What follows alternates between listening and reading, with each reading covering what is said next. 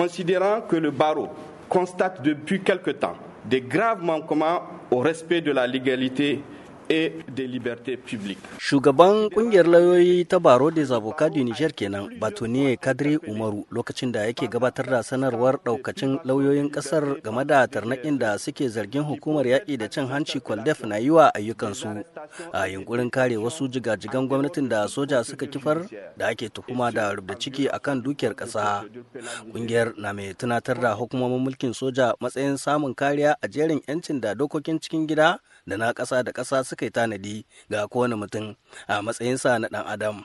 Maitar Rahman Usman, mamba a ƙungiyar lauyoyi, ya yi mana ƙarin haske kan wannan matsala. Doka ce ta ba da dama lauya ya raka duk wanda ake tuhuma. Ihe muka lura a yanzu wannan hukuma tana hana lauya ya kare duka mutanen da ake zargi da sun yi handama. Akwai DJDSA wanda take kiran mutane tana tuhuma su kuma ba a ba lauyoyi dama su je su raka kiliyankinsu a dokance bai kamata ba a ce an kirayi mutum an riƙe shi tsawon kwanaki da dama ba a ba shi dama ya gana da lauyan shi da 'yan gidan shi kai ko abinci ba a bari a kai musu. To wannan shi ma muka ce ba daidai ba ne. Yunkurin an karar da shugabannin harkokin shari'a irin illolin da ke tattare da wannan kulli ya ci tura in ji lauyoyin. Prokirar mai shigar da kara ya rataya ga wuyan shi in akwai irin wannan kurakuran shine ake rubuta matakarda muka ja hankalin shi akan cewa ana hana lauyoyi da siraka kiliyankinsu wajen hukumar wannan.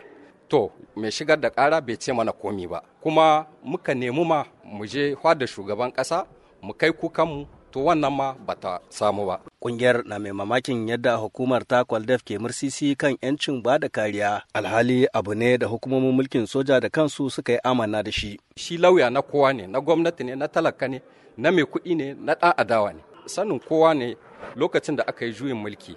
Su kansu ma'ikwantan mun kare su. Kowa ya gani lauyoyi muka je kotun sai da yawo muka kare gwamnati muka je ta imuwa muka kare gwamnati. Kenan bai kamata ba a yau a ce a hana mu mu raka mutane. Mun tuntuɓi kakakin kwaldef son Allah Dambaji domin jin martanin da hukumar za ta mayar. Sai dai ya shaida mana cewa suna shirin gudanar da taro kan wannan batu. Ba zai iya cewa ƙalaba a halin yanzu.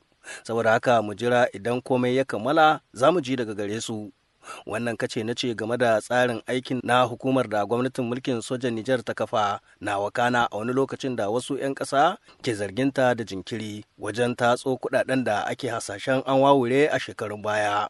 Sule Mummuni Barma, muryar Amurka daga Yamai a jamhuriyar Nijar.